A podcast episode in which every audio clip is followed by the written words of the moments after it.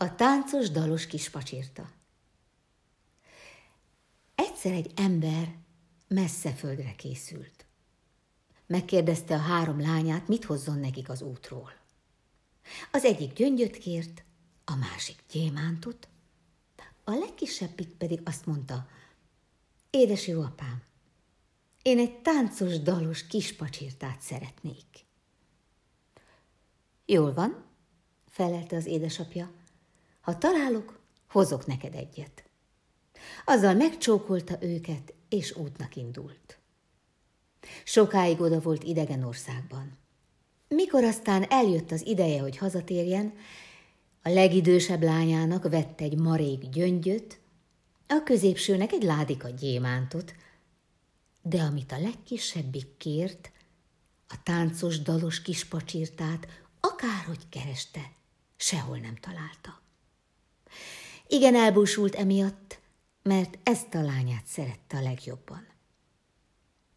Hazafelé egy nagy erdőn átvitt az útja. Az erdőben volt egy pompás kastély, nem messze tőle állt egy sudárfa.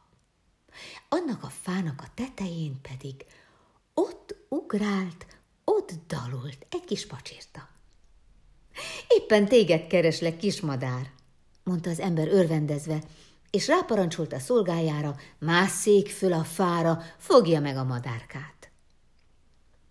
De amint a közelébe értek, felugrott a fa tövéből egy oroszlán. Megrázta a sörényét, és akkorát ordított, hogy beleremegtek a lombok. Tüstént fölfalom, aki hozzá mer nyúlni az én táncos dalos pacsirtámhoz. Nem tudtam, hogy a madár a tiéd, védekezett az ember. Ha vétettem ellened, jóvá is teszem. Nagy váltságdíjat fizetek neked, csak hagyd meg az életemet. Rendben van, mondta az oroszlán. Megkegyelmezek neked, de csak egy feltétellel. Ha nekem ígéred azt, amivel hazatértedben először fogsz találkozni. Ebben megalkuthatunk, és akkor ráadásul a madarat is elviheted. Ha pedig nem, akkor jaj az életednek. Az ember tétovázott. Sehogyan sem akart ráállni az alkura. Hát, ha éppen a legkisebbik lányommal találkozom először, töprengett. Ő szeret a legjobban. Mindig elében szalad, ha egy-egy hosszú útról hazatérek. Szolgája azonban félt az oroszlántól, és igyekezett mindenképpen rábeszélni. Miért épp ő vele találkoznál? Miért nem egy kakassal, vagy egy macskával? Addig-addig unszolta, míg az ember végül is engedett. Odaígérte az oroszlánnak azt, amivel hazatértekor elsőnek fog találkozni. Cserébe pedig megkapta a táncos dalos kispacsirtát. Lóra szálltak, és ügettek tovább hazafelé. Csak hamar feltűnt a házuk tornya, de az ember szíve nem vidult fel tőle. Egyre csak azon emésztődött, vajon kit lát meg elsőnek. Mert sem kakas nem kukorékolt rájuk, sem macska nem futott át előttük az úton, mintha minden élő állat kipusztult volna a környékről. Befordultak az udvarba. Hát ki integet a tornácról? Kiszalad elébe lelkendezve. Senki más, mint a legkisebbik lánya. Odaugrott az apjához. A nyakába borult, ölelte, csókolta, és amikor meglátta nála a táncos, dalos kispacsirtát, egyszeriben táncra perdült örömében. Bezzeg nem örült az édesapja. Sírva fakadt szegény, úgy mondta könnyesen. Édes, kedves lányom, nagyon drágán vettem én ezt a táncos, dalos kis pacsirtát. Odaígértelek érte egy dühös oroszlánnak. Ha megkap, biztosan széttép. Elmondta a lánynak, mi történt vele az úton, s kérve kérte, el ne mozduljon a háztól. Legyen, aminek lennie kell. Nem úgy van az édesapám, felelte a lánya. Amit ígértél, Meg is kell tartanod. Ne férts engem. Fogadom, hogy megszelídítem azt a haragos oroszlánt.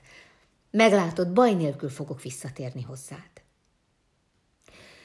Másnap reggel megtudakolt az utat, búcsút vett a szülői háztól, és neki indult az erdőnek.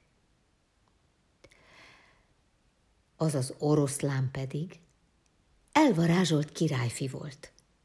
Nappal a kíséretével együtt oroszlán életet élt, de éjszakára mindannyian visszaváltoztak emberré. Amikor az este leszállt, egy szép sudár ifjú állt a lány elé. Megkérte a kezét, és nagy pompával mindjárt meg is tartották a lakodalmat. Boldog békességben éltek az erdő mélyén. Éjszaka virrasztottak, nappal pedig aludtak. A fiatal asszony eleinte furcsálotta ezt a rendet, de aztán lassacskán ő is beleszokott. Neki már nem is jutott eszébe, hogy amíg az édesapjával élt, éppen ilyenkor készültek lefeküdni. Telt múlt az idő. Őszre tél, télre tavasz, és akkor egyszer azt mondta a királyfi a feleségének. Holnap nagy ünnepség lesz apát házánál, mennyegzőjét üli idősebb nénéd. Ha szeretnél ott lenni, az oroszlányai majd elkísérnek. Az asszony kapva kapott az alkalmon, mert már igen nagyon vágyódott az édesapja után. Otthon azt hitték, réges-régen széttépte már az oroszlán. Senki sem gondolta volna, hogy még él. Volt is nagy öröm a háznál, amikor megérkezett. Hát, még amikor elmesélte, milyen szép délceg férje van, és milyen jól megy a sora mellette. Vége hossza nem volt a csodálkozásnak, meg az ünneplésnek.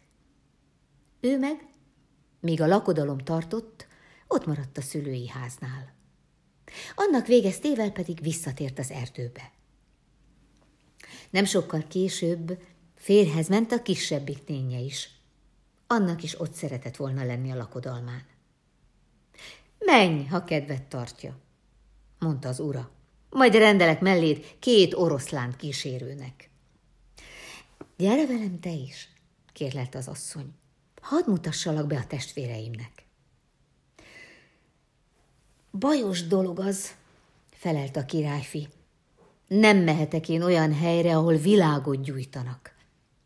Mert ha csak egy parányi gyertyafény is ér, nyomban galambá kell változnom, és hét álló esztendeig a galambokkal kell száldosnom a nagyvilágban. De a felesége váltig biztatta.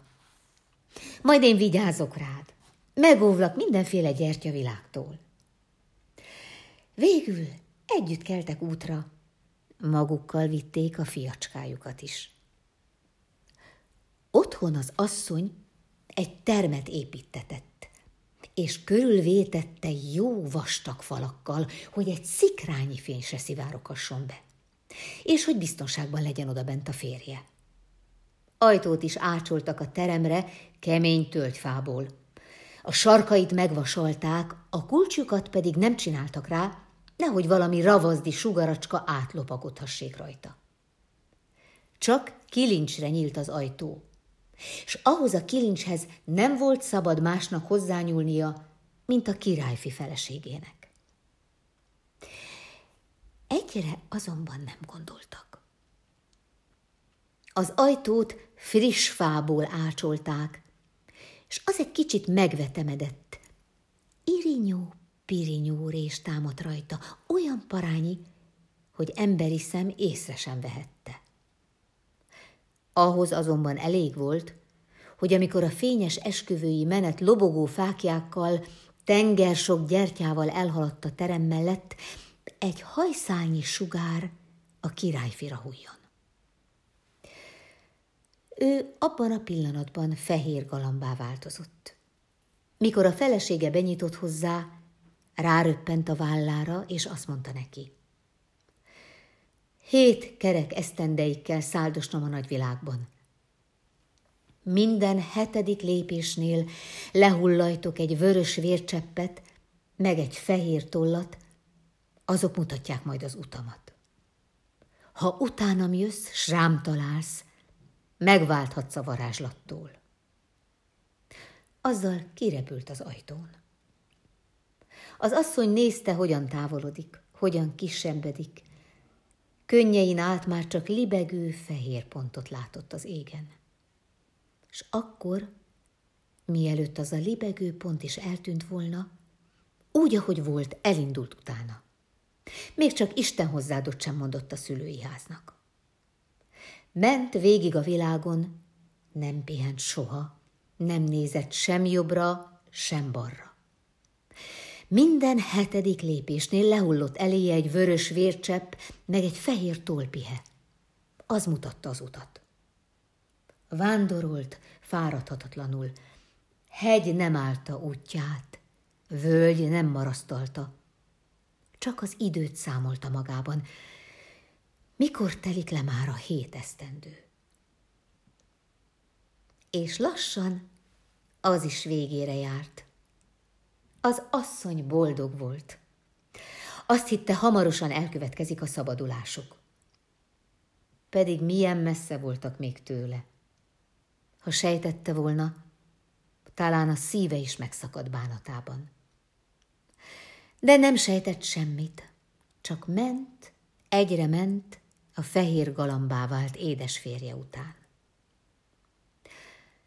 Hanem egyszer sem piros vércseppet, sem fehér tólpejhet nem látott többé. Fölnézett az égre. Nem látta a galambot sem. Ember itt már nem segített, gondolta szegény. Fölment hát a naphoz, és megszólította. Te benézel minden zugba, és ráragyogsz minden csúcsra. Nem láttál egy szálló fehér galambot? Nem láttam, felelte a nap. De kapsz tőlem egy ládikót. Ha nagy bajban vagy, nyisd ki. Az asszony megköszönte szépen, és ment tovább, míg be nem esteledett, és föl nem jött a hold.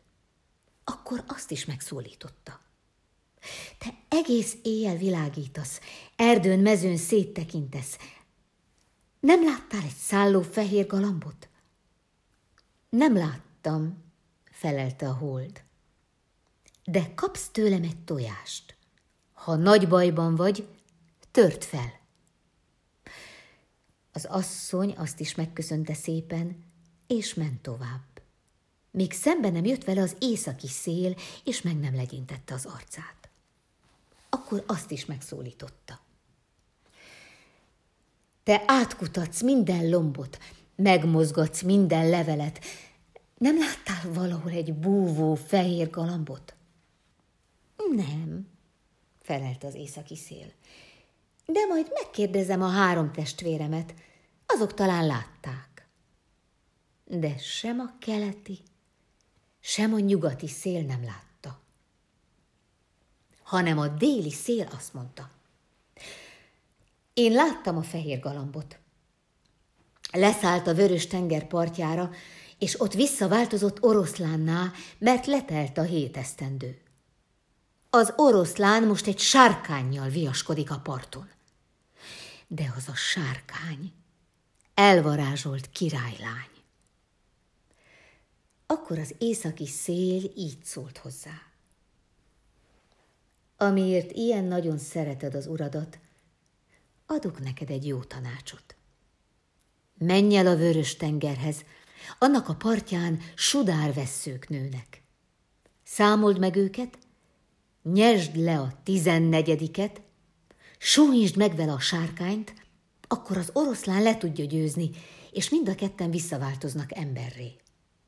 Utána keresd meg a griffmadarat, ott kuporog a homokban a parton. Ülj fel rá a kedveseddel, a madár majd hazavisz a tengeren át.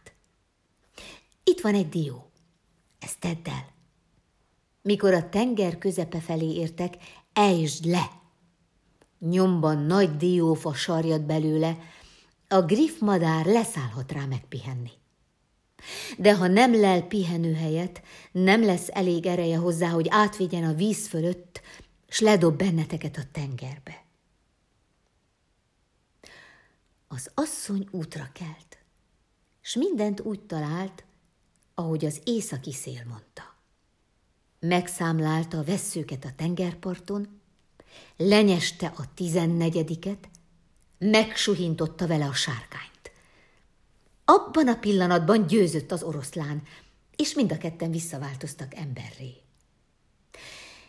De amint a királylány, aki addig sárkány volt, megszabadult a varázslattól, átölelte a királyfit.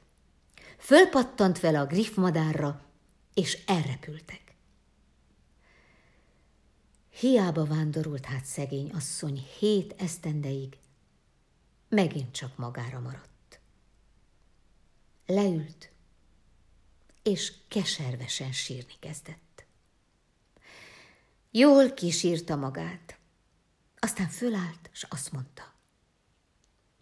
Megyek, ameddig a szél fúj, ameddig a nap süt, ameddig a kakas kukorékol. Megyek, amíg a férjemet meg nem találom. És vándorolt megint fáradhatatlanul, míg csak oda nem ért a kastélyhoz, amelyben a királyfi meg a királylány lakott. Éppen a lakodalmukat akarták megülni. Erre készült az egész környék.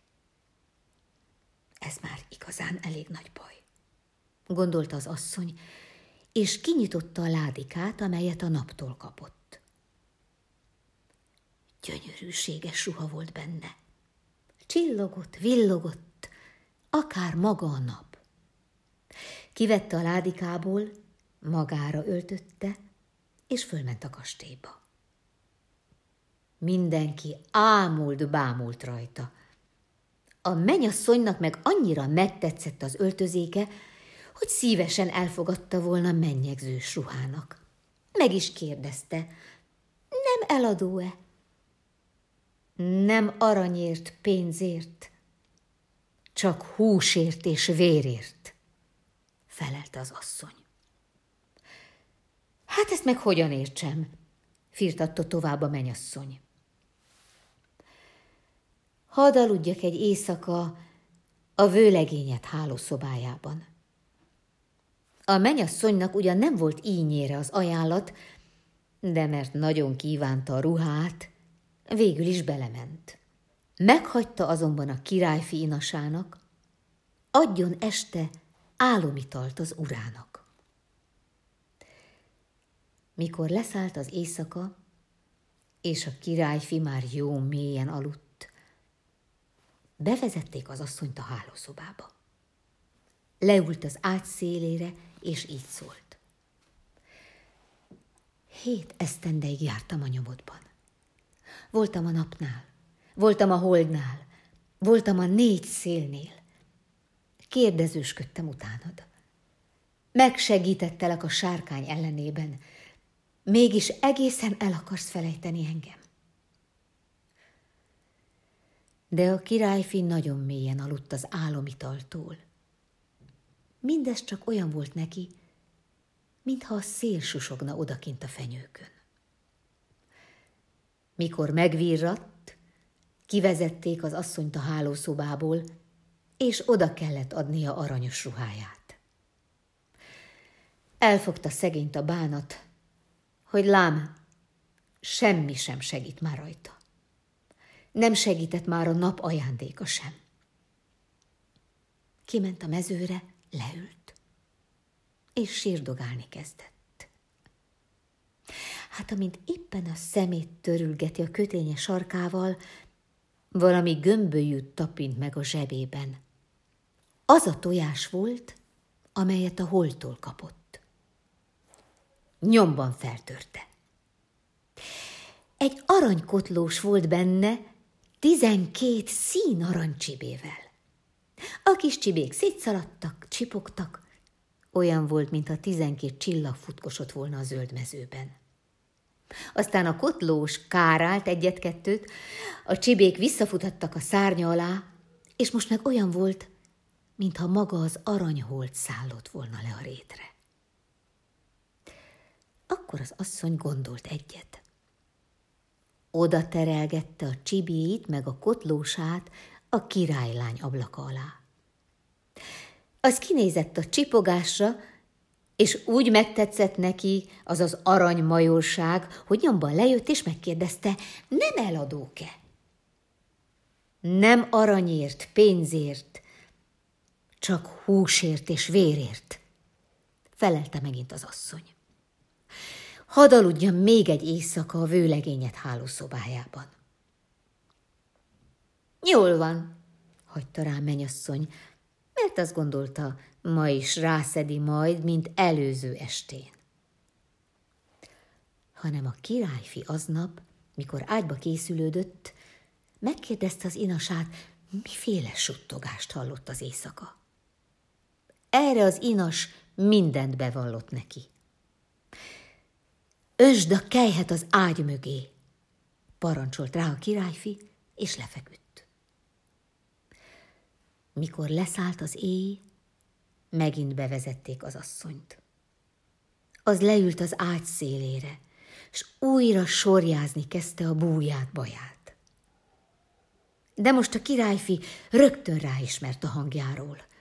Most már tudta, hogy ez az ő kedves felesége. Kiugrott az ágyból, és örvendezve mondta. Csak most foszlott le rólam igazában a varázslat. Eddig, mintha álomban éltem volna.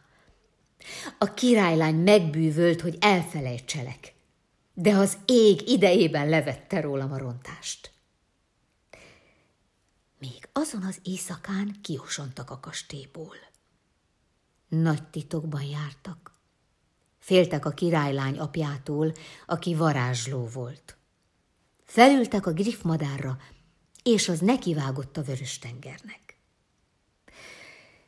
Ahogy a tenger közepe fölé értek, az asszony lehullajtotta a diót. Nyomban terebélyes diófa nőtt ki a vízből.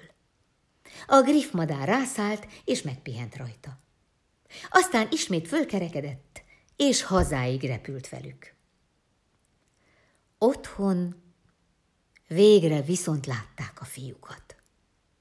Szép, erős legényé serdült, amíg oda jártak. És attól fogva boldogan éltek, míg meg nem haltak.